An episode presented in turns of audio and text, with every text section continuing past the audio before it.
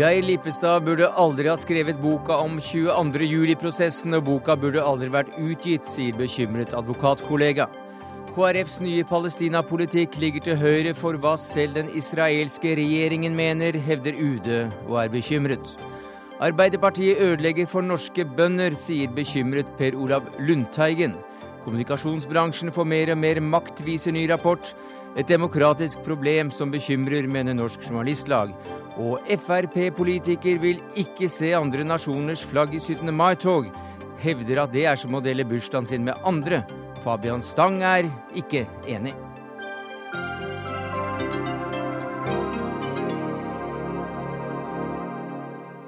Ja, Det er noen av sakene i Dagsnytt 18 denne siste dagen i april, der vi også tar debatten om morgendagen har gått ut på dato. Men vi begynner med Kristelig Folkepartis syn på Palestina-spørsmålet. For på landsmøtet i helgen ble partiprogrammet som kjent endret. Formuleringene om at Israel må ta sin del av ansvaret ble fjernet. Ordet tostatsløsning likeså, sammen med formuleringen om palestinernes rett til retur. Foreningen Israel for fred jubler, mens utenriksministeren har uttrykt bekymring. Og hvorfor det, statssekretær i UD Torgeir Larsen? Nei, det Kristelig gjør, eh, det er å legge seg eh, på linje med Fremskrittspartiet i forhold til formuleringer. Gå bort ifra språk eh, og holdninger som har vært en del av norsk Midtøsten-politikk siden Oslo-avtalens begynnelse. Som har vært forvaltet av statsminister Bondevik i to perioder som statsminister. Eh, og da eh, gå bort ifra eh, folkerettsgrunnen, gå bort ifra tostatsvisjonen og redusere det til én stats rett til trygge grenser som formuleres. Og Det er for så vidt et, et, et, ærlig standpunkt, men det er et tydelig standpunkt. Og det som gjør det spesielt, det er jo at vi står overfor et valg.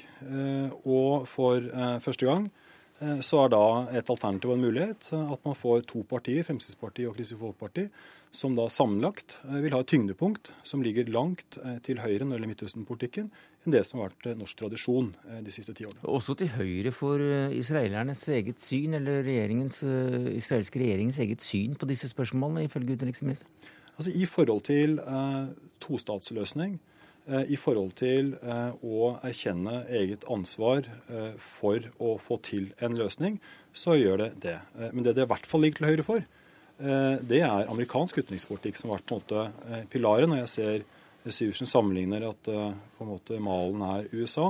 Men her ligger man seg så vidt nærmere Tea Party-bevegelsen enn man, man legger nåværende Obama-administrasjon. Hva sier du til dette, Hans Olav Sivertsen, parlamentarisk leder i KrF? Er egentlig litt lavmål fra en statssekretær i Utenriksdepartementet å bruke slike betegnelser. La oss litt, ta litt fakta. Eh, vi har sagt i Stortinget at vi ønsker en tostatsløsning. Det som sto i programmet når det gjelder eh, palestinernes rett til eh, selvstyre på eget territorium, det er det samme for inneværende periode som neste. Det står ikke noe om tostatsløsning verken i det foregående programmet eller nåværende. Så det er første faktafeil. Det står heller ikke noe om eh, retur på flyktninger i dette programmet vi har hatt, og det som kommer nå. For det er faktisk ikke alt man kan ha med i et program, og det bør vel kanskje Arbeiderpartiet også være enig i, for de har jo ikke skrevet noen ting om Israel i sitt program. Ikke engang særlig om Midtøsten. Så jeg, jeg må si eh, alle som har fulgt med norsk politikk, vet at vi har i Stortinget gått inn for en tostatsløsning. Og det mener jeg er rett, for jeg tror det er også riktig for Israels sikkerhet. Mm. Og jeg føler meg veldig godt på linje med det som John Kerry, eh, den nye amerikanske utenriksministeren, har uttalt om retningen mm. for å få til en fredsløsning. Det var vel, det var vel et øyeblikk, det var vel beroligende, Torgersen? Jeg er veldig glad for å høre at eh, Kristelig Folkeparti står fast på tostatsløsningen. Eh, det som har vært enda klarere, er jo da om KrF hadde formulert det i sitt program.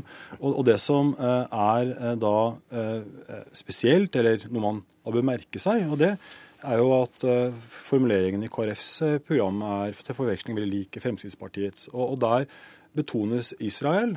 Eh, og når man betoner eh, trygge grenser eh, og tar bort israelsk ansvar, og det ikke er en formulering eller en henvisning til internasjonal folkerett, Så er jo det veldig langt ifra den veldig tydelige talen som Obama holdt i Jerusalem veldig nylig, hvor han snakket ikke bare om Israels grenser, men om Palestinas mm. grenser. Er det viktig at formuleringen om at Israel også må ta sin del av ansvaret, er det fjernet? Det som, ja, det, er det akkurat riktig? den står ikke, fordi det står nå Men, men nå, den er også fjernet? Den ikke bare ja, ikke står, men den er fjernet? Hvis jeg kan forklare, så er det jo fordi det inngår i det som er hovedessensen, nemlig det som står i programmet, at dersom det skal bli en løsning på konflikten, så innebærer det at begge parter må foreta kompromisser. I det ligger og det tror jeg er alminnelig norsk tross alt, at et ansvar ligger på begge parter. Og så må jeg jo si, Hvis vi først skal snakke om uh, ubalanse, så har vi i morgen 1. mai. Og her ser vi altså hva, hvilke paroler som nå Arbeiderpartiets politikere skal gå bak. Det er boikott Israel. Det er uh, staten Israel er lik apartheid. Så mitt spørsmål tilbake er det slik at Arbeiderpartiets politikere, kanskje også regjeringsmedlem, har tenkt å gå i tog med den type paroler, så har jeg lyst til å høre hva slags balanse det innebærer. Det skal han få lov til å svare på etter at du har svart på et par spørsmål fra meg angående dette programmet som ja. du jo er invitert for å snakke om her, Syversen. For jeg leser jo da at både Israel for fred og den tidligere sjefen for Indremisjonen, Hallaråker, som er ny i sentralstyret i KrF, de jubler over dette linjeskiftet, som de kaller det, i FrPs program, og sier at dette forsterker båndet med Israel. og og hvorfor sier de det Ja, det altså, ingenting er forandret i det hele tatt? Er ikke det litt pussig? Altså, Essensen i dette er at dersom det skal bli en løsning på konflikten, og der er vi vel tross alt enige, så må man gi og ta på, på begge kanter. Og det står klart i programmet. Så er jeg klar over at vi går inn i en valgkamp, og at uh, både politiske motstandere og andre har interesse av å å karakterisere, det får vi bare ta med. Men eh, jeg syns vi får vektlegge det som faktisk mm. står. Mm. Så ingen, endring, ingen endring i KrFs syn på også, konflikten med Israel? Vi har jo oppdatert litt eh, situasjonen da, med, med, den arabiske våren og hvilke utfordringer det gir. Irans situasjon osv. Så, videre. så det er, eh, det er ikke slik at alt er statisk. Nei, så for å bruke et kanskje litt feil uttrykk, at KrF er blitt mer katolsk enn paven, det, det går ikke an å bruke? Nei, altså jeg, jeg syns det er er å slenge ut karakteristikker som ikke det er belegg for. Men det vi har sagt noe om, og som jeg uh, syns det er veldig lite av i, i norsk debatt om Midtøsten, det er f.eks. og Israel spesielt, det er jo alt eh, det samarbeidet vi burde hatt med Israel når det gjelder mm. det eh, kultur, økonomi osv. Men, men la det nå være helt klart. Men la oss, ja, la oss en... komme tilbake til uh, spørsmålet du hadde til Larsen, nemlig den parolen til slutt om at uh, som, som, det jo i hvert fall det er LO som da drar i gang at nei til Israel som, uh, som apartheidstat og boikott Israel. Kommer du til å gå under disse fannene? Jeg kommer ikke til å gå under boikott av Israel, nei. Eh, regjeringen står eh, veldig trygt på de prinsippene vi står på, som er en videreføring av den linjen som er ført lenge. Den er folkerettsforankret. Eh, det er ikke ett ord i programmet til, til som jeg har lest, Kristelig Folkeparti, om, heller ikke Fremskrittspartiet, om den grunnleggende altså baselinja vi har for vår utenrikspolitikk i, i, Midtøsten, og man har hatt det tidligere. Det som står formulert i programmet til Kristelig Folkeparti, er en såkalt helhetlig vurdering ikke en folkerettsforankring. Eh, og eh, det er nå engang sånn eh, at vi har to parter, og det er vi helt enige om. Men det er ikke noe likevektig forhold. Og vi er veldig opptatt av, ikke minst fordi vi har en, en rolle bl.a. som da forvaltere av giversamfunnet, å være eh, nokså presise i forhold til vektleggingen av ansvaret begge veier.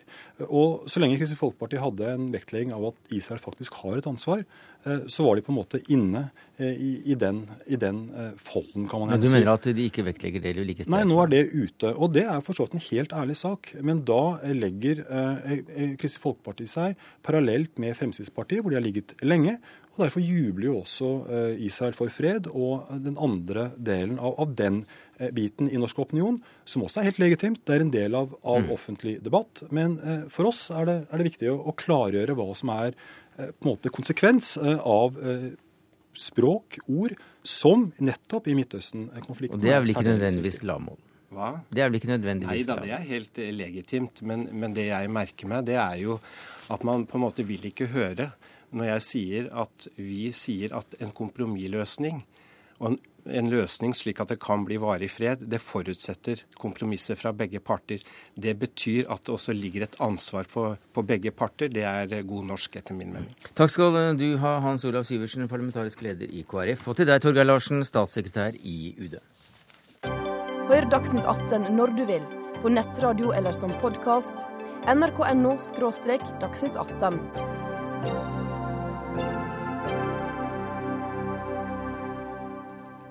Hvordan skal det gå med landbruksforhandlingene i år da, tror du, Per Olav Lundteigen? For det første er det jo jordbruksforhandlinger, da. Eh, det jo. Men det går sikkert som det har pleid å gå. Det er eh, dessverre altfor mye virak. Det er altfor få som greier å ha oversikt over eh, hva det er for noe. Og noe av årsaken til det er at en er jo ikke enig om hva som er forhandlingsgrunnlaget. Nei, for eh, i P2s Nyhetsmorgen så sa du som stortingsrepresentant for Senterpartiet at Arbeiderpartiet undergraver forhandlingene. Hvordan gjør de det? Det jeg kommenterte, det var et uh, oppslag i Aftenposten den uh, 9. april i år, hvor uh, Karl Erik Skjøtt Pedersen hadde vært på et stort møte på Ringsaker. Hvor han på direkte spørsmål svarte det at folk fikk se på husene som bøndene bodde i, istedenfor å se på det tallmaterialet som Budsjettnemnda for jordbruket framlegger. Og det syns jeg er veldig trist, fordi at eh, det er jo tallmaterialet som budsjettnemnda da skal utarbeide, som skal legges til grunn på samme måten som tallmaterialet fra Teknisk beregningsutvalg legges til grunn for lønnsoppgjøret mellom LO og NHO f.eks. For han mente vel da at husene så ganske fine ut? Han mente at husene så ganske fine ut, og det er helt korrekt. Og ikke minst på, på Ringsaker, hvor det er en del store gårder. Det er jo der hvor klassemotsetningene var størst i sin tid. Men de fine husene som en ser der i dag, de er jo i all hovedsak finansiert da med inntekter fra andre yrker. Og de som har bygd nye driftsbygninger, de har jo en så stor gjeldsbyrde at den økonomiske resultatet fra jordbruksdrifta er jo så svak at sjøl på store gårder så har en vanskelig for å finne mm. rekruttering. Eh, Skjøtt Pedersen prøvde vi å få i tale og møte deg i dag, men vi lykkes ikke eh, med det. Nei, det syns jeg er litt trist. Eh, Skjøtt Pedersen han er statsråd på samme måte som andre statsråder. Eh, noen få ganger så er han eh, ute på møter og forteller hva han mener. Og det er da veldig beklagelig at han ikke kan stille opp til diskusjon. Altså Når det er sagt, så er det jo helt klart at da Høyre og Fremskrittspartiet er jo for bøndene et mye dårligere alternativ. En har jo ikke håp til mm. det å drive gård med Høyre og Fremskrittspartiet. Men allikevel så sier du også i et valgår at Arbeiderpartiet undergraver forhandlingene. Hva syns du om det som en slags eh, kollegial håndklaps? Det er helt nødvendig å si når altså vi har en statsråd som sier det, at eh, legg til side tala se på husene. Det viser en holdning som jeg dessverre har opplevd ganske mange ganger fra ledelsen i Arbeiderpartiet. Og det er noe av årsaken til at det er så vanskelig å bli enige om statens tilbud ved forhandlingene, fordi at det spriker så veldig. Og det skulle jo ikke sprike fordi at nettopp Budsjettnemnda for jordbruket, hvor staten er med både med representanter fra eh, Forbruker- og administrasjonsdepartementet, fra Finansdepartementet og Landbruksdepartementet, de kommer fram til et omforent materiale. Og så sier altså Schjøtt-Pedersen legg de tallene til side, se på husene. Det er ikke verdig. Så dette var altså ikke første gang? Det er ikke første gang. Jeg har vært med i jordbruksforhandlinger over ganske mange år. Og når jeg så det nå en gang, så blei jeg så oppgitt at jeg valgte å si ifra, for dermed å rense lufta, komme videre. Terje Lien Aasland, næringspolitisk talsmann i Arbeiderpartiet. Skivebom kalte du det i Nasjonen i dag. Hvorfor det? Nei, Jeg mener jo det er en skivebom. fordi det første så er det ikke det som det er referert til heller, at Karl Erik Skjøtt Pedersen har sagt. Han har sagt, eh, gitt en uttalelse i forhold til, til referansebruka i jordbruket, som er en benevnelse som i utgangspunktet blir brukt for å beskrive utviklingen fra ett år til et annet. Rent teknisk. Rent teknisk. Mm. Og Det var det han eh, i utgangspunktet eh, hadde oppe. Og det var der han også sa at det er vanskelig å trekke paralleller mellom den type tallmateriale og en f.eks. ordinær industriarbeid. Og det er vel alt i orden? Det er dessverre sånn at referansebruka som en her snakker om, det er en del av det materialet som Budsjettnemnda eh, kommer med. Og eh, det er altså Budsjettnemnda, hvor begge parter, både stat og jordbruk, er representert, som skal komme fram til et felles grunnlag. Og det gjør de også. En kan si mye om det felles grunnlaget, og jeg er eh, blant dem som, som kritiserer det grunnlaget, for det, er, det har etter hvert utvikla seg i en negativ retning. Men tross alt, det er det en har.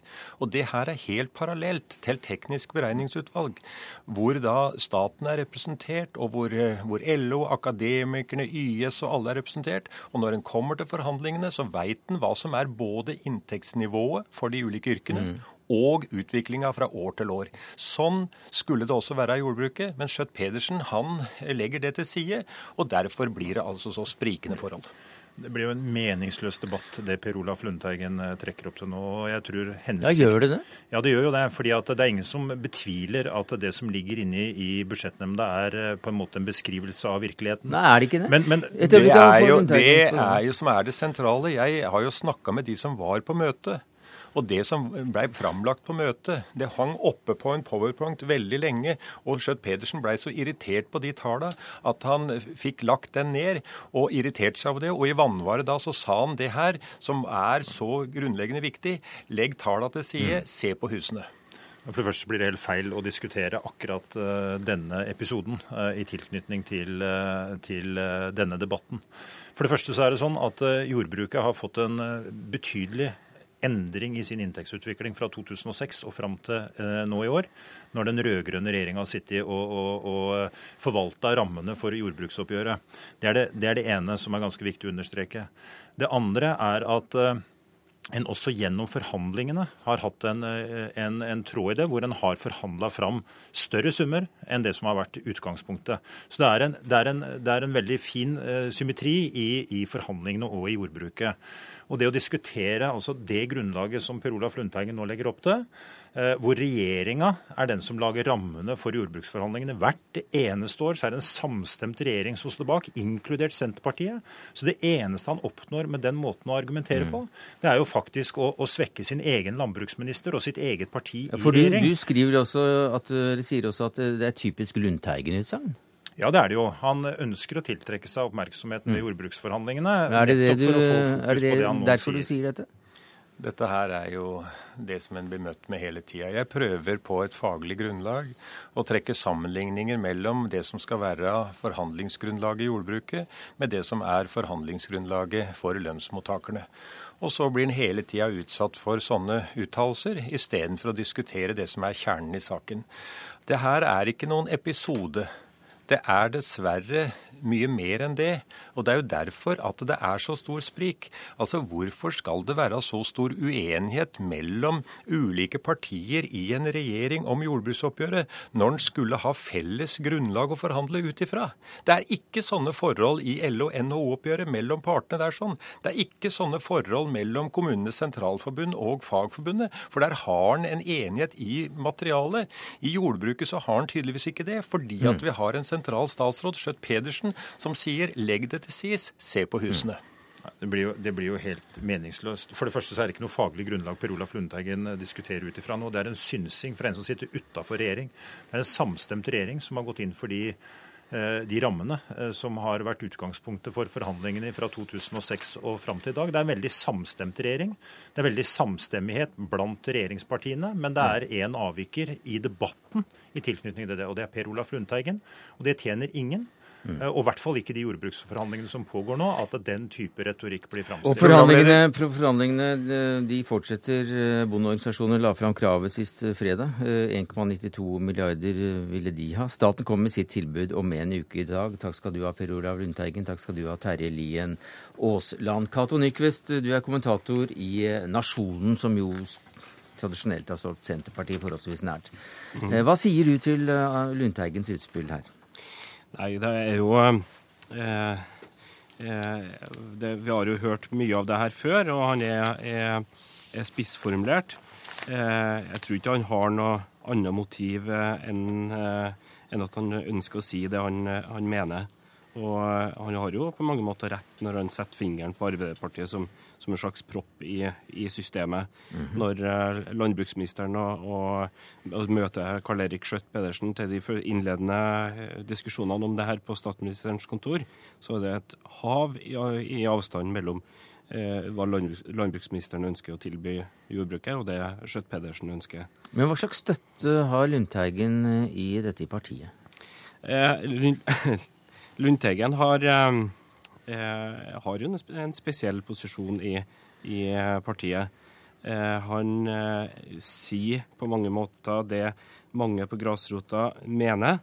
Jeg har jo jeg har jo også hørt mange sentralt i partiet omtale Lundteigen som, som en plage. At han, at han hauser opp altfor mye bråk. Eh, men samtidig så er, så er, det jo en eh, ganske sentralt plassert i partiet som har sagt at eh, desto lenger ut på bygda Lundteigen kommer, desto mer blir han en gud. Så at Lundteigen har en appell overfor grasrota i, i partiet. Men hva sier du til Skjøtt Pedersens påståtte ja, jeg vet ikke om det var et uh, slip of the tongue, eller hva, hvorfor han kom akkurat med, med dette at glem husene og, og, se på tallene. Eller ja. glem tallene og se på husene. ja. Unnskyld. Nei, vi har, jo, vi har, jo, også uh, fått mange rapporter fra det møtet på, mm. på uh, Ringsaker. Og, og han uttalte seg veldig langt på vei, så, slik som Lundteigen refererer. Altså at, at, I alle fall sånn at de tallene i, i, ifra, ifra budsjettnemnda må tas med en klype salt, eller i alle fall det at det ikke forteller hele sannheten. Og så kan dere bare se rundt dere hvordan det ser ut. Eh, og, og, klart det provoserer, ikke bare Lundteigen, men også, også eh, landbruket, bønder som, som, eh, som, mange av dem har, er dobbeltarbeidende, og, og som, eh, som, blir skuffa og lei seg over ikke bli, eller, å møte den mistroen da, fra, fra Arbeiderpartiet. Takk skal du ha, Cato Nyquist, kommentator i Nasjonen. Så til eh, kommunikasjonsbransjen, som eh, visstnok eh, går ganske bra. Nå har den selv bestilt en rapport som bl.a. skal belyse bransjens posisjon i samfunnet i dag, og det er Institutt for samfunnsforskning og Proba Analyse, der du er forsker, Ingunn Eriksen, som har utført den. Og hva er de viktigste funnene som denne rapporten har kommet fram til? Eh, den bygger jo på at vi allerede vet om at det har vært en stor vekst av kommunikasjonsrådgivere de siste ti årene. F.eks. så var det jo i 2000, så var det bare som et eksempel, over 2000 medlemmer i Kommunikasjonsforeningen. Og nå er det over 4000. Så det er eh, antallsmessig en veldig stor vekst. Eh, rapporten viser også at mange kommunikasjonsrådgivere har fått viktigere posisjoner i samfunnet. Eh, F.eks. som rådgivere for politikere eller i det private næringsliv. Og så forsøker vi å beskrive hvorfor, og eh, til dels om de har denne innflytelsen. Eh, det må også bemerkes at dette er jo egenrapportering basert på spørreundersøkelse til kommunikasjonsrådgivere. Og noen intervjuer med kommunikasjonsdirektøren. Så kommunikasjonsrådgiverne mener selv at de har fått uh, mer makt og innflytelse Nettopp. de siste årene. Nettopp. Men antallet er fordoblet. Det er i hvert fall uh, uomtvistelig faktum. Mm. Leder i Norsk Journalistlag, Thomas Spence, til uh, NRK tidligere i dag sa du at denne utviklingen representerer et demokratisk problem. Hva mente du med det? Jeg mener at alt som svekker frie, uavhengige mediers muligheter til å gjøre jobben sin, er en svekkelse av også demokratiet. På samme måte som jeg mener hvis politiske partier svekkes eh, til fordel for eh, pengesterke særinteresser, så det er også en svekkelse av demokratiet. Men eh, at kommunikasjons, antallet kommunikasjonsrådgivere øker, hvorfor skulle det svekke demokratiet? Det er fordi en del av de eh, bruker sin makt, sin eh, funksjon som eh, dørvakt til kilder og informasjon, til å pynte på virkeligheten, til å uh, gå lenger enn de bør for å gi sin oppdragsgiver uh, et positivt inntrykk utad. Uh, de har altså Nå vil jeg også legge til at veldig mange selvfølgelig gjør en hederlig og god jobb. Eh, men det er muligheter i den jobben som en del lar seg friste av til å manipulere både hvilke saker som kommer på dagsordenen, hvilke som holdes unna, og hvordan journalister skal kunne utføre sitt oppdrag. Hva sier du til dette, daglig leder i Norsk kommunikasjonsforening, Therese Manus Høningstad? Jeg syns å bruke ord som manipulerende er i overkant sterkt. At virksomheter prøver å få frem sin side av saken, eller det de mener er viktig informasjon for dem når det blåser som mest, det syns jeg er helt legitimt. Og det må man ha lov til uten at man da skal være uredelig. Å tilbakeholde informasjon som burde vært tilgjengelig, er selvfølgelig en annen sak. Men det har vi profesjonsetiske retningslinjer i foreningen som sier at man ikke skal gjøre. Og det er vel alltid i orden? Nei, det er jo ikke det. Altså, fordi virkeligheten er en annen enn den den er i studio her. Eh, vi får jo nesten daglige rapporter fra journalister, redaktører og andre som jobber med dette, som opplever en form for kamp om sannheten. Kamp om rapporter, kamp om tilgang til kilder. Og opplever at institusjoner fra Slottet til statsministerens kontor til den minste bedrift og organisasjon forsøker selv å styre. Eh, så kan en si at de har selvfølgelig lov å forfølge sine interesser, men det som vi reagerer på, er en form for ukultur hvor man går for langt. Man viser ikke den respekt og den forståelse for hvordan frie medier og journalister jobber. Og det, Poenget med dette er at vi jobber jo for offentligheten, for folket. Eh, det høres stort ut, men det er jo det som er medienes oppgave i et åpent, demokratisk samfunn. og Derfor så er det på en måte et angrep eller en svekkelse av den offentlige debatten som vi alle er tjent med. Og dermed et demokratisk problem. Altså, nå viser jo undersøkelsen at uh, det er jo bl.a. Uh, rettslige uh, lov, altså at det er lover om mer offentlighet som gjør at det er blitt et økt, at det er blitt økt behov for kommunikasjonsrådgivere. det er et større krav til åpenhet fra det offentlige til borgerne om sine plikter og regler. Om noen eh, kommunikasjonsrådgivere gjør en dårlig jobb, det skal ikke jeg si at de ikke Daglige gjør. Daglige henvendelser til uh, Norsk Journalistlag? Vi får også henvendelser fra våre medlemmer som mener at uh, de er blitt feilsitert, eller at uh, innhold i deres sitater er uh, tatt helt ut av kontekst. Mediene har også en stor mulighet til å påvirke. Så jeg tror nok at denne situasjonen er mer nyansert enn det Spens fremmer her. Ja, for Da dere betalte en million kroner for å få denne rapporten, så var det også ut ifra å avlive noen myter om kommunikasjonsbransjen, har du uttalt. Hvilke myter er det du snakker om? Det er blant, dette, blant annet dette, og ikke minst den oppfattelsen man fort kan få ved å lese Så det er en myte at man prøver å manipulere og prøver å påvirke pressen? Uh, manipulere, ja. Det skal man ikke gjøre. Og prøve å fremme virksomhet. Man har en oppdragsgiver, altså man jobber et sted og fremmer virksomheten sin interesse. Det er en legitim sak. Det er noe alle gjør, også journalister, som tross alt skal selge Altså at man skal ha seere, lesere, lyttere. altså det vinkles jo, Mediehusene vinkler jo også saker beinhardt, hvor mm. de fremmer sin side av saken. så, så, det, så det er ikke bare i offentlighetens tjeneste, men det er Nei, men den grunnleggende forskjellen er at svaret fra en kommunikasjonsrådgiver, det vet man på forhånd, det er at oppdragsgiveren har rett, eller oppdragsgiveren eh, har på en måte eh, en positiv valør i alle sammenhenger. Journalister jobber fritt, kritisk og uten å ta hensyn til hvilke konsekvenser informasjonen man leverer har på den eller den aktøren. Svaret er gitt. En PR-agent eller en kommunikasjonsdirektør vil alltid forsvare, og er for så vidt dens oppgave å forsvare sin oppdragsgiver. De er, for å bruke et litt sånn billig uttrykk, betalte leiesoldater, og det er greit nok. Det er deres oppgave å fylle, eh, en, en, gjøre en jobb for sin oppdragsgiver. Vi har et videre mandat, et samfunnsoppdrag, og derfor er ikke det forutbestemt hva vi, skal, hva, hva vi kommer ut med. Det er helt klart at vi har forskjellige roller. Ja. Og du er føringsoffiser da, som sjef for disse leiesoldatene? Jeg syns jo leiesoldater er et drøyt ord å bruke, og jeg oppfatter på ingen måte kommunikasjonsbransjen i Norge som leiesoldater.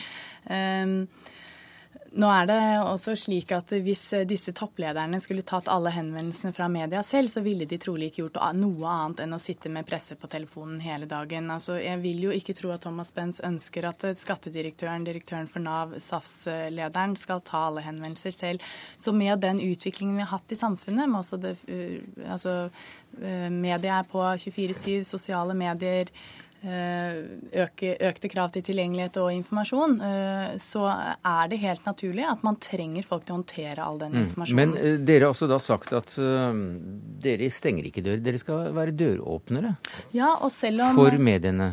Ja, og det er man i stor grad. Altså, tidligere så var det mye vanskeligere å få kjappe svar på henvendelsene sine. Det var også en annen medievirkelighet som gjorde at man ikke trengte nødvendigvis svar med mens, en gang. Mens her hører vi jo fra Spens at uh, dere tvert imot er ganske flinke til å lukke dørene. Jeg tror Spence er ganske enig med meg at i de aller fleste tilfellene så er ikke det realiteten. Altså, uh, Han kan svare for seg selv. Jo, men altså, det er riktig. Det er en uh, blandet virkelighet her. Det er mm. både folk som jobber for å fremme uh, kunnskap og informasjon, og det er folk som hemmer. vi snakker om den prosenten, eller de ti prosentene, som er ute i et grenseland, eller utenfor også det, og hvor man utelukkende villeder mer enn å veilede, og hvor man hemmer mer enn å fremme. Mm. Og det får vi mange eksempler på. Altså Til og med en statsråd som setter sin informasjonsstab til å forhandle med en stor avis fordi hun føler hun blir fremstilt som blond og dum. Det må journalister bruke timer på fredagskveld for å forhandle om eh, intervjuer. Så her er det altså en sånn form for eh, ambisjon om å påvirke innhold, vinkling, hva som skal skrives, hvem man skal intervjue sammen med, som ikke var tidligere, og som også skyldes eh, at denne bransjen har vokst da. Men igjen, de gjør også altså Det er ikke noe ensidig vondt bilde. Dette er en legitim profesjon. Den fins eh, i Norge som i andre land. Men de må lære seg og respektere hvordan journalister jobber, mm. og hva vår rolle er. Men så hører vi da denne, at denne rapporten har, uh, konstaterer at kommunikasjonsmedarbeiderne selv mener at de har fått en god del mer makt i det siste. Ja, det liker de nok å selge ut. og Det vil nok være godt for rekrutteringa. si kom til oss og få makta. Mm. Det er klart de har makt, mange av de. De sitter nær ledelsen, og, er, og informasjon er makt. Altså tilgang til kildene, tilgang til den rapporten eller den informasjonen som bedriften eller partiet eller regjeringen sitter på, er noe, en ettertaktet vare for media, for publikum. Så det er klart at den som sitter og er dørvokter her, den har makt. Mens man... en, en del eh, som arbeider i mediene vil kanskje si at de har fått mindre makt. Er det slik, eh, eller kommer ikke det fram i, i rapporten deres, Ingunn Eriksen? Altså, vi har ikke perspektivet til eh, de som sitter i media, vi har perspektivet til de som Alle kan ikke ha fått mer makt? Alle kan ikke ha fått mer makt. Og det er ikke sånn at antall er lik makt. Det er eh, ikke alle som sitter i, i ledelsen, og det er ikke alle av de som føler egentlig at deres innspill blir hørt. Det er mer sånn at mange av kommunikasjonsdirektørene, veldig mange av de, har mye makt. Mm. Men ganske mange av de, det store flertallet, de vanlige kommunikasjonsrådgiverne, hvis man kan kalle det det, de gjør vanlige i anførselstegn, oppgaver. Eh, og, og, man kan ikke si at eh, de nødvendigvis har makt. Ganske mange føler at de ikke blir hørt. Mm. Så det er, det er et, eh, en yrkesgruppe med ganske mange forskjellige typer oppgaver. Og det er noen som, som sitter inne med mesteparten av makta. Mm. Hvem er det? Det er kommunikasjonsdirektørene, først og fremst. Der jeg tror det var noe sånn som 88% ikke helt sikker på det, som, som sitter og føler at deres, deres innspill blir mm. vektet det er vel også de som da også sier at uh, alle spinner. Det er bare om å gjøre å, spinne mest. Og da har vel uh, eventuelt Dagsnytt 18 vært offer for spinning og plassering uh, da Thomas Spens, Ingunn Eriksen og Therese Manus Hønningstad, siden vi tar den saken, som altså da er en slags reklame for bransjen ved at vi viser gjennom en rapport at de har fått mer makt. På en måte, men det er viktig å ta med også her at de blir flere, men journalistene blir færre. Og den kombinasjonen av styrket kildemakt og svekket redaksjonell slagkraft, som vi opplever i Norge, som i resten av verden i media nå, det er fare for alle. Det er ikke bare for vi som jobber der, men svakere medier til å stå imot den form for eh, altså kildestyring som vi opplever bl.a. på den gruppen, men også andre. Det er noe vi skal være på vakt på alle sammen. For vi er avhengig av en, av en fri presse som sørger for informasjon, men også debatt og kritikk i det norske samfunnet. Takk skal du ha, Thomas Benz, Therese Malin Sønningstad og Ingunn Eriksen.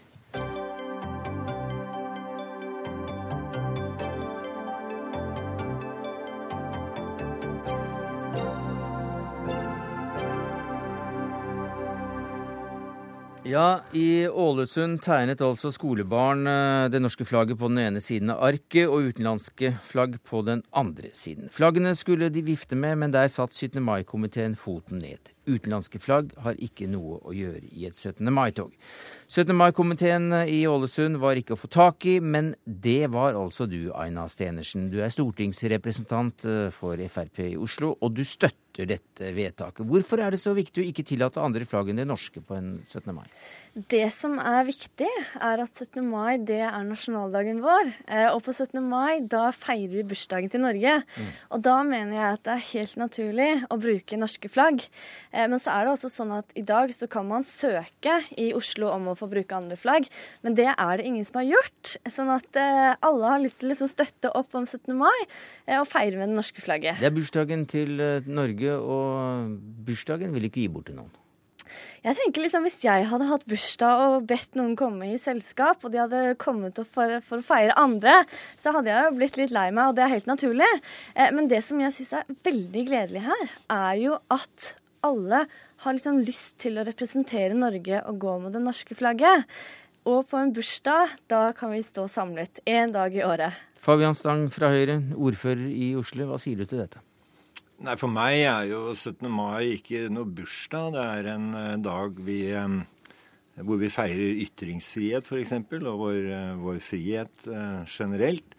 Og grunnen til at jeg kom inn i dette, var at vi i Oslo hadde en 17. mai-komité ledet av en Frp-er som i 2008 foreslo at uh, det skulle være forbud mot andre flagg. Jeg ønsker at vi alle skal gå med det norske flagg, men det skal vi gjøre av fri vilje fordi vi er stolte av det landet vi bor i, ikke fordi vi er påbudte, sånn som uh, nazistene gjorde under krigen.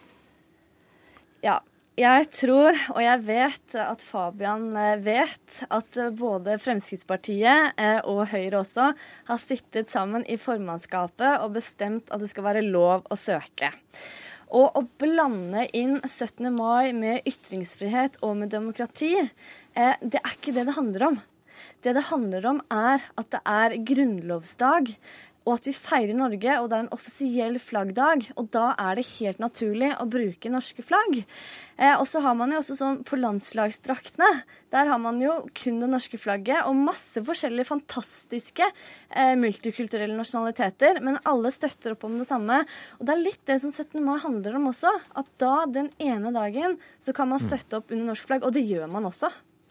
Men, men, grunnen til at vi diskuterer nå, er at du til Nettavisen har uttalt vi er imot at dette skal være lov i Oslo. Mener det er helt vanvittig at folk skal gå med andre flagg enn det norske. Vi feirer vår nasjonaldag. Vi gjør alt vi kan for å forby dette i Oslo.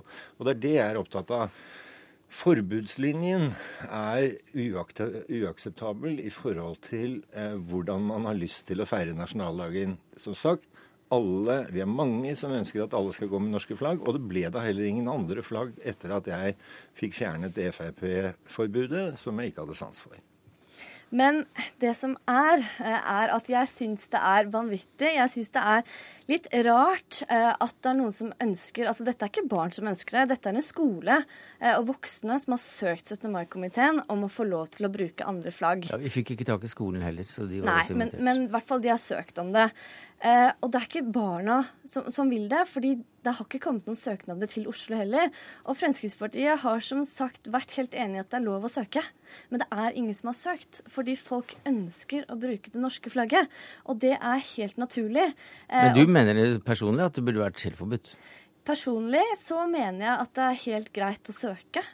Uh, og så få ja eller nei. Men hvis du tenker seg for en flaggborg, så ville man aldri sagt ja til danske, svenske, islandske uh, flagg i en flaggborg. Alle ser jo at det hadde vært veldig merkelig. Uh, det er akkurat sånn som hvis kongefamilien skulle stått og vært fra et annet sted, og de skulle stått og vifte med et annet flagg. Eh, sånn at det, For meg er det liksom, det er helt naturlig og helt greit og flott å bruke plagget. Fremmedfrykten sitter godt i. Nei, det gjør den ikke. Du, Jeg er fra østkanten, og jeg har null fremmedfrykt i hele kroppen. Altså, hvis, du, hvis, du, kommer tilbake til denne bursdagen din som du feirer, hvis noen der kom og sang på urdu, ville du kunnet leve med det, eller ville det også vært vanvittig? Nå tror jeg vi skal holde oss til 17. Eh, mai og til bursdag og ikke urdu. Jeg kan også si at eh, jeg kunne faktisk mer eh, pakistansk enn jeg kunne fransk når jeg gikk på ungdomsskolen, fordi jeg var oppvokst på Skullerud, eh, og ikke på vestkanten, Fabian. Sånn at det er ingenting med det å gjøre. Så bojarenes inntogsmarsj den er helt grei 17. mai-tog, selv om det er en feiring av noen fra Valakia Jeg syns nasjonalsangen til Norge er fin å ha på dagen. Ja. Jeg syns den holder. Kjempeflott. Norske flagget, flott. Og vi har FN-flagget som også symboliserer mangfold. Så vi, vi er veldig godt dekket, altså. Men, men, hva da, i akkurat denne situasjonen i Ålesund, så har også da unge sittet og tegnet av andre flagg på den andre siden for å vifte med, og så, og så får de ikke lov til det. Er ikke det litt trist, da? De kan vifte med det flagget hver eneste dag resten av året. Og, og jeg tror at de kommer til å ta det veldig fint. Fordi 17. mai er en gledens dag. Man har brus, man har boller, og man koser seg. Og jeg tror ikke at de kommer til å være lei seg for å vifte med det norske flagget. Tvert om. Det gledens dag er 17. mai. Nå er den gode nyheten at I Ålesund har man en meget klok ordfører. Selv om man gjør det litt dårlig i fotball om dagen, så har man en veldig bra ordfører. Jeg er sikker på at han sammen med 17. mai-komiteen finner en god løsning. Men han kan ikke overstyre 17. mai-komiteen? Jo da, 17. mai-komiteen i Ålesund er, er, bare et tilfeldig organ. Eh, politikerne kan alltid overstyre mm. det som foregår i en by. Og jeg er liksom jeg, man skal det var det jeg gjorde. Det. det var det jeg gjorde i sin tid. Mm. Når, når da Frp-lederen av 17. mai-komiteen trådte feil, så fikk jeg orden på det. Det er jeg veldig glad for. Og så så eh, er jeg sikker på at man finner en god løsning hvor disse skjønne barna får lov til å vise frem det de nå har laget, som er et uttrykk for at de har hjertet sitt både i eh, Norge og i det landet de kommer fra. Men så består ikke 17. mai-komiteen i Oslo kun av Fremskrittspartiet. Det er mange forskjellige som er representert i en 17. mai-komité. Eh, og jeg syns man skal ha respekt ja, for det en 17. mai-komité kommer fram til. Og så kan en ordfører også være glad og gjøre byen lykkelig, men 17. mai-komiteen skal man ha respekt mm. for. Mm. Hurra for 17. mai. Aina Stenersen, femteplass på stortingslista for Oslo Frp. Fabian Stang, ordfører i Oslo fra Høyre.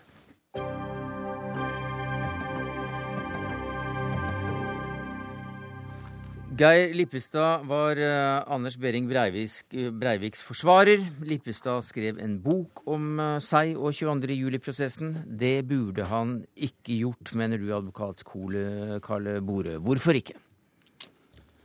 Nei, det er jo det er, altså, det, er en, det er, en, omfattende utlevering av klienten i, i en gjennomgående i hele boken, som jeg opplever som altså, i strid med ryggmargsfølelsen til, til de fleste advokater.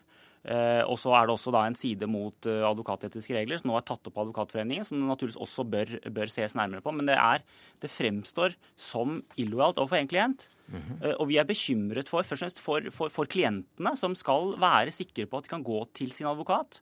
Uh, og ha tillit til at, til at, de kan åpne seg uten at det blir brukt på en måte som, på, på, til andre formål enn å fremme deres interesser. Og denne boka rokker ved det? Det er åpenbart. Mange reagerer på dette. Altså, jeg vet faktisk ikke om noen som, som har stilt seg bak denne boken her. Hva sier du til det, Lipstad? At det ikke er noen som har stilt seg bak boken, er vel kanskje litt uh, drøyt. Men eh, Bore skal ha én ting. Han skal ha ros for én ting, og det er at han har lest boken. For eh, de som uttaler seg veldig i dag, har jo ikke lest den engang, så det er jo litt vanskelig å, å si noe mer om boken. Eh, boken handler om så mye mer enn eh, noen samtaler med Breivik. Den handler om verdier, den handler om det å ta valg, det å stå i krevende situasjoner over tid.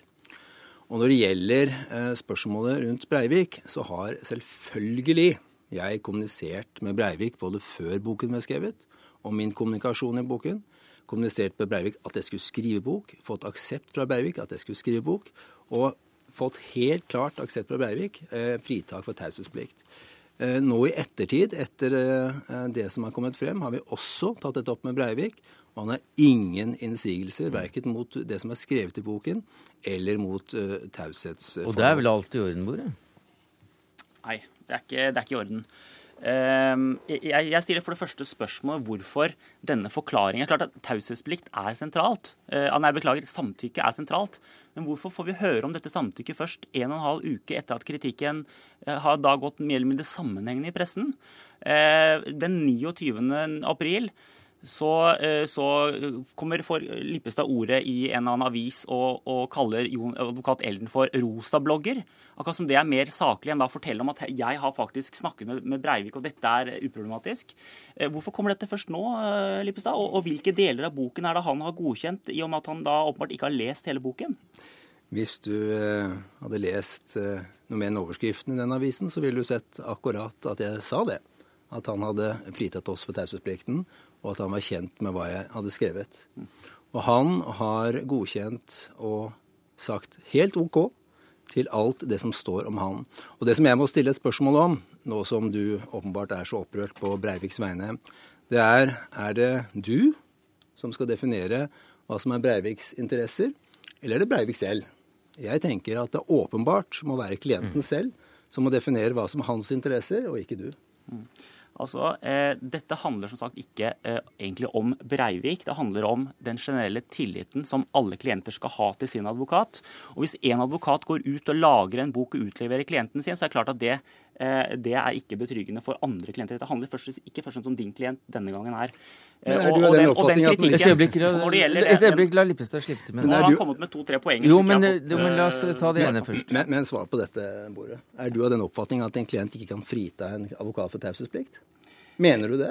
I så fall er det ganske oppsiktsvekkende. Jeg har ikke sagt at ikke han kan frita fra taushetsplikt. Det jeg sier, er at det er svært merkelig eh, advokat Lippestad, at denne forklaringen kommer halvannen uke etterpå. Og om den står Jeg tror ikke vi har lest samme artikkel, men om den så står i 29., hvorfor kommer ikke du med den søndag for halvannen uke siden? Skal- Lørdag for halvannen uke siden? Det skal jeg forklare deg, Bore. Eh, eh, og, og, og, og mandag eh, for en uke siden så var det også eh, en sterk kritikk av deg i Aftenposten, Det- og in, ingen svar fra deg. Og du foretrekker å kalle Jon Christian Ellen rosablogger. Det, er klart at, eh, det er klart at samtykke er relevant, men dette eh, skal Advokatforeningen eh, komme til bunns i. De, etter advokatiske regler så er, det, så er det et krav om at det skal foreligge et klart samtykke, og, og samtykke skal være da dekke hele innholdet i den boken, som er problematisk. Og det er da opp til Advokatforeningen å finne ut av. Ja, flott. Du hører du er veldig engasjert, og det er bra. Eh, det som er saken, det er nettopp det. At Advokatforeningen skal vurdere det. Og Da syns ikke jeg det er ryddig av meg overhodet å diskutere verken med deg eller andre seriøse eller useriøse aktører som er ute og mener noe i pressen. Jeg har sagt til Advokatforeningen at mitt svar får Advokatforeningen. Ja, men du er i gang gang med det nå, Lipstad? Ja, men det, nå har debatten blitt såpass uh, høytflyvende og såpass usaklig og såpass uh, feilaktig at da tenker jeg at nå må jeg si hvordan saken er. Klienten har godkjent det som står.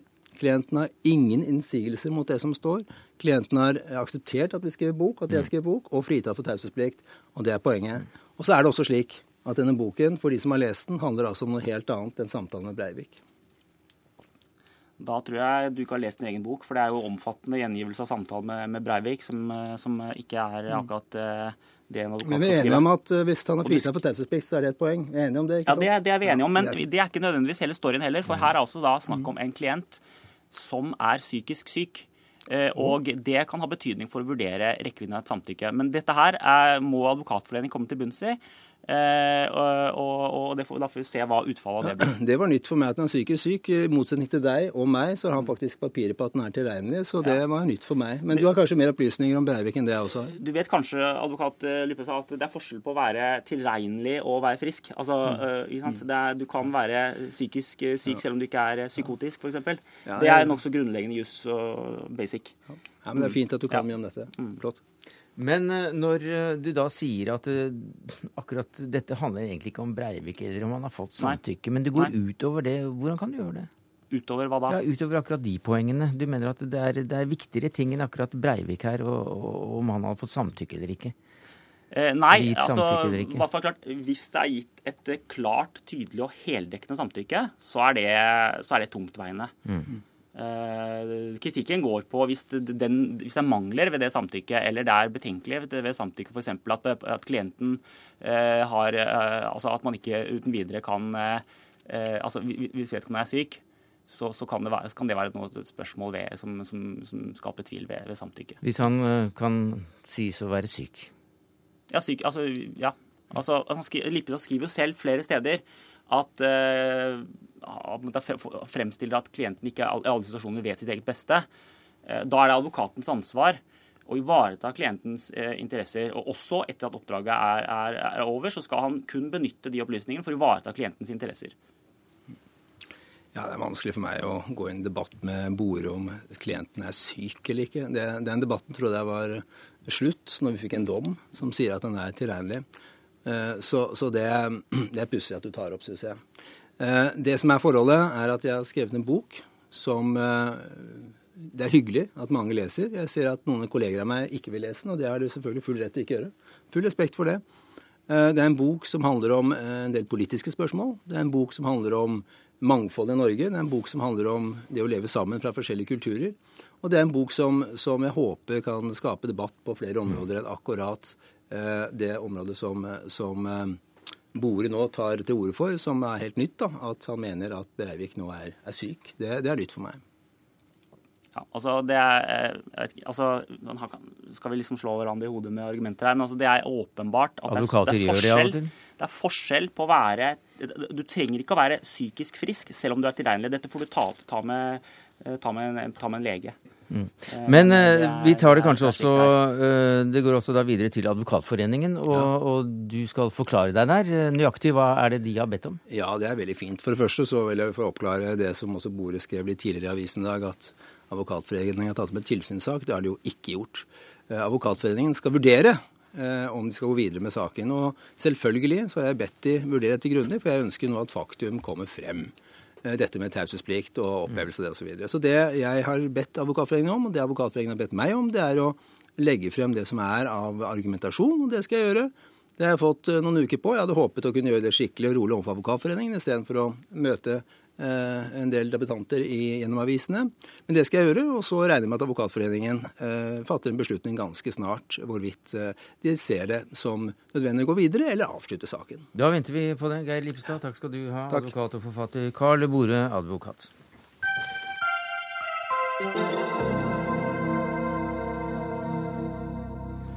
I dag er altså siste dagen i april. Siden eh, Rosa Luxemburg og kretsen rundt arrangerte den andre internasjonalen i 1889, så har jo 1. mai vært arbeidernes internasjonale kampdag. De siste årene har det vært nærmest et sikkert vårtegn at debatten blomstrer om hvorvidt denne dagen har gått ut på dato. For det synes også da du, Heidi Nordby Lunde, stortingskandidat for Høyre, også kjent som bloggeren Vampus. Hvorfor det? Vel, Når man ser på parolene, så er jeg ikke helt sikker på om det er det som er representativt for arbeiderne i dag. Eh, men eh, det var litt morsomt, for jeg fortalte ei venninne av meg som jobber i en eh, hudpleiesalong, at jeg skulle debattere 1. mai i dag. Og det, var godt du sa det, fordi jeg har hengt opp en gul lapp på speilet hjemme for, å påminne meg selv om at jeg ikke skal gå på jobb i morgen. Og Hun er jo en av de arbeiderne som denne dagen da skal representere, men hun må huske på at hun ikke skal på, på jobb, fordi dagen ikke betyr noe lenger. Og Det har blitt, altså det er en sosialistisk eh, kampdag, og det har jeg all mulig respekt for. Men det er ikke nødvendig å gjøre en sosialistisk kampdag til en offentlig fridag. Mm. Hvis de hadde gjort dette her på ettermiddagen etter at de sjøl hadde vært på jobb, så hadde jeg ikke vært så opptatt av hva som står på de eh, plakatene. Men eh, vi, de er, det er arbeidslivet ut av EØS, det er eh, nei til markedsstyring og privatisering, nei til borgerlig regjering, og at arbeiderne er så veldig veldig opptatt av at Palestina skal få sin egen stat, er jeg heller ikke så, så sikker på, og det er også en av parolene i morgen. Hva sier du til dette, Vegard Harsvik, leder i Fagforbundet Samfunnet, forfatter av boka 'Blåkopper'? Jeg gleder meg til 1. Eh, mai, eh, også, også i år. Eh, og det er jo en grunn til at representanter fra høyresida i norsk politikk hver eneste 1. mai forsøker å avblåse dagen som, som fridag. og forsøker å latterliggjøre den kampdagen dette er. Og Det er jo fordi at 1. mai representerer viktig et viktig mobiliseringspunkt for eh, saker som eh, høyresida i Norge alltid har kjempa mot, og som eh, man ønsker å kjempe mot eh, i, i framtida. Eh, 1. mai har vært eh, viktig for å sikre oss et anstendig arbeidsmiljø. Det er viktig for å bevare et anstendig arbeidsliv. 1. mai har i min tid vært eh, viktig for EU-kampen. Det marsjerer folk i tog for å bevare lokalsykehusene sine. 1. Eh, mai er fortsatt en viktig, viktig dag. Eh, og det er ikke rart at eh, høyresida gjerne vil bli kvitt den. Men hvorfor skal det være en offentlig fridag? Det var vel det som var spørsmålet? Vi markerer mange typer høytider i, i landet vårt eh, som, som, fridager. Vi har kristne fridager, vi har feriedager for å markere andre ting. Eh, men 1. mai er en feiring av det som har blitt oppnådd eh, av arbeiderbevegelsen. Eh, og det er en eh, kampdag for de mm. nye slag og de nye saker som, som må vinnes. Så det er absolutt absolutt verdt å, å, ha en fortsatt fridag på. Men altså, jeg, jeg, er feminist, og jeg mener at det er mange ting som eh, fortsatt gjenstår eh, før vi har full likestilling i Norge. Men dersom jeg skulle gå i tog, så klarer jeg å gjøre det etter klokka fire. For å sette de sakene på, på dagsorden. Men du bekrefter jo for så vidt det jeg sier, bortsett fra at du, du, du kaller det en høytidsdag, samtidig som du understreker at dette er en sosialistisk kampdag hvor én politisk retning får en nasjonal nasjonal fridag til å sette sine saker på, på dagsorden. Mens jeg er jo en av de som mener at arbeidere i Norge er vel så tjent med, med Høyres politikk. Kommer selv fra en arbeiderfamilie. Eh, far som er rørlegger, mor sekretær. Oppvokst i Groruddalen eh, i Oslo. Og finner at Høyre er mitt naturlige parti, fordi at jeg mener at de ivaretar norske arbeidsplasser. At eh, jeg som arbeidstaker er mer enn godt ivaretatt og gir oss muligheter for fremtiden. Så du ville heller hatt en Ronald Reagan-dag, offentlig fridag? Eller Nei, jeg trenger ikke en, en, jeg trenger ikke en fridag for å kunne ivareta en del av de politiske kampsakene. Og det syns jeg heller ikke at sosialistene gjør. Ja, Heidi Nordby Lunde er vel en av de få som blir rørt til tårer av eh, de svenske moderaternes eh, sysselsettingspolitikk, som har drevet hver fjerde svenske ungdom ut i arbeidsledighet. Eh, og som ligger skyhøyt over den, den, norske arbeidsledigheten.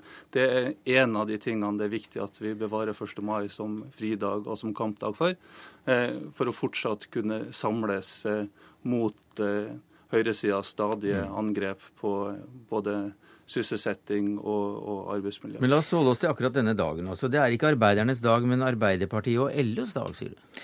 Ja, det er, det er, det jo. Det ser vi også. I dagens Dagsavisen så eier de omtrent hele avisen med både sine slagord og kamp, eh, kampord. Mens arbeiderne, de som da altså må henge opp en gul lapp på speilet sitt for å minne seg selv om at de ikke skal på jobb i morgen, fordi at dagen ikke betyr noe eh, for dem, eh, er, tror jeg blir fremmedgjort av den type slagord.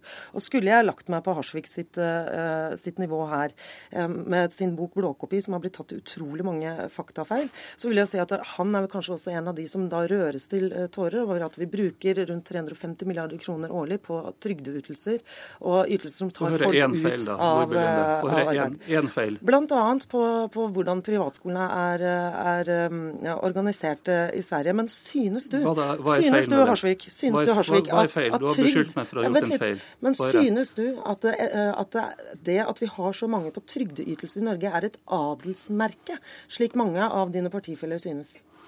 Eh, det er et adelsmerke at folk som faller utenfor arbeidslivet av en eller annen grunn, er sikra et anstendig nivå å, å leve på.